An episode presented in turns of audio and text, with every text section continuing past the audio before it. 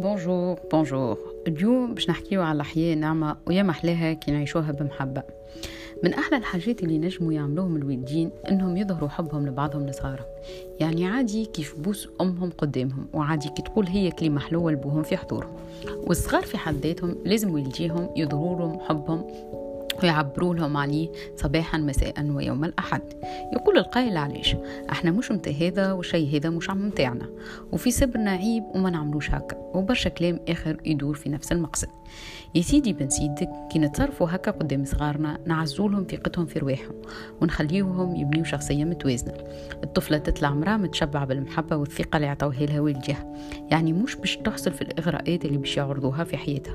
وما تتلفت كان اللي تبدأ متأكدة من إنه يستاهلها.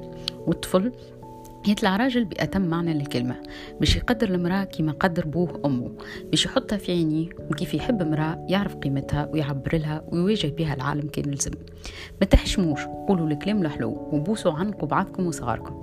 الحياة نعمة وهي محلاها كي تعيشوا بمحبة. هي حاجات بسيطة وما فما اللي راها تافهة. أما رأي تأثر برشا في حياتنا. ميرسي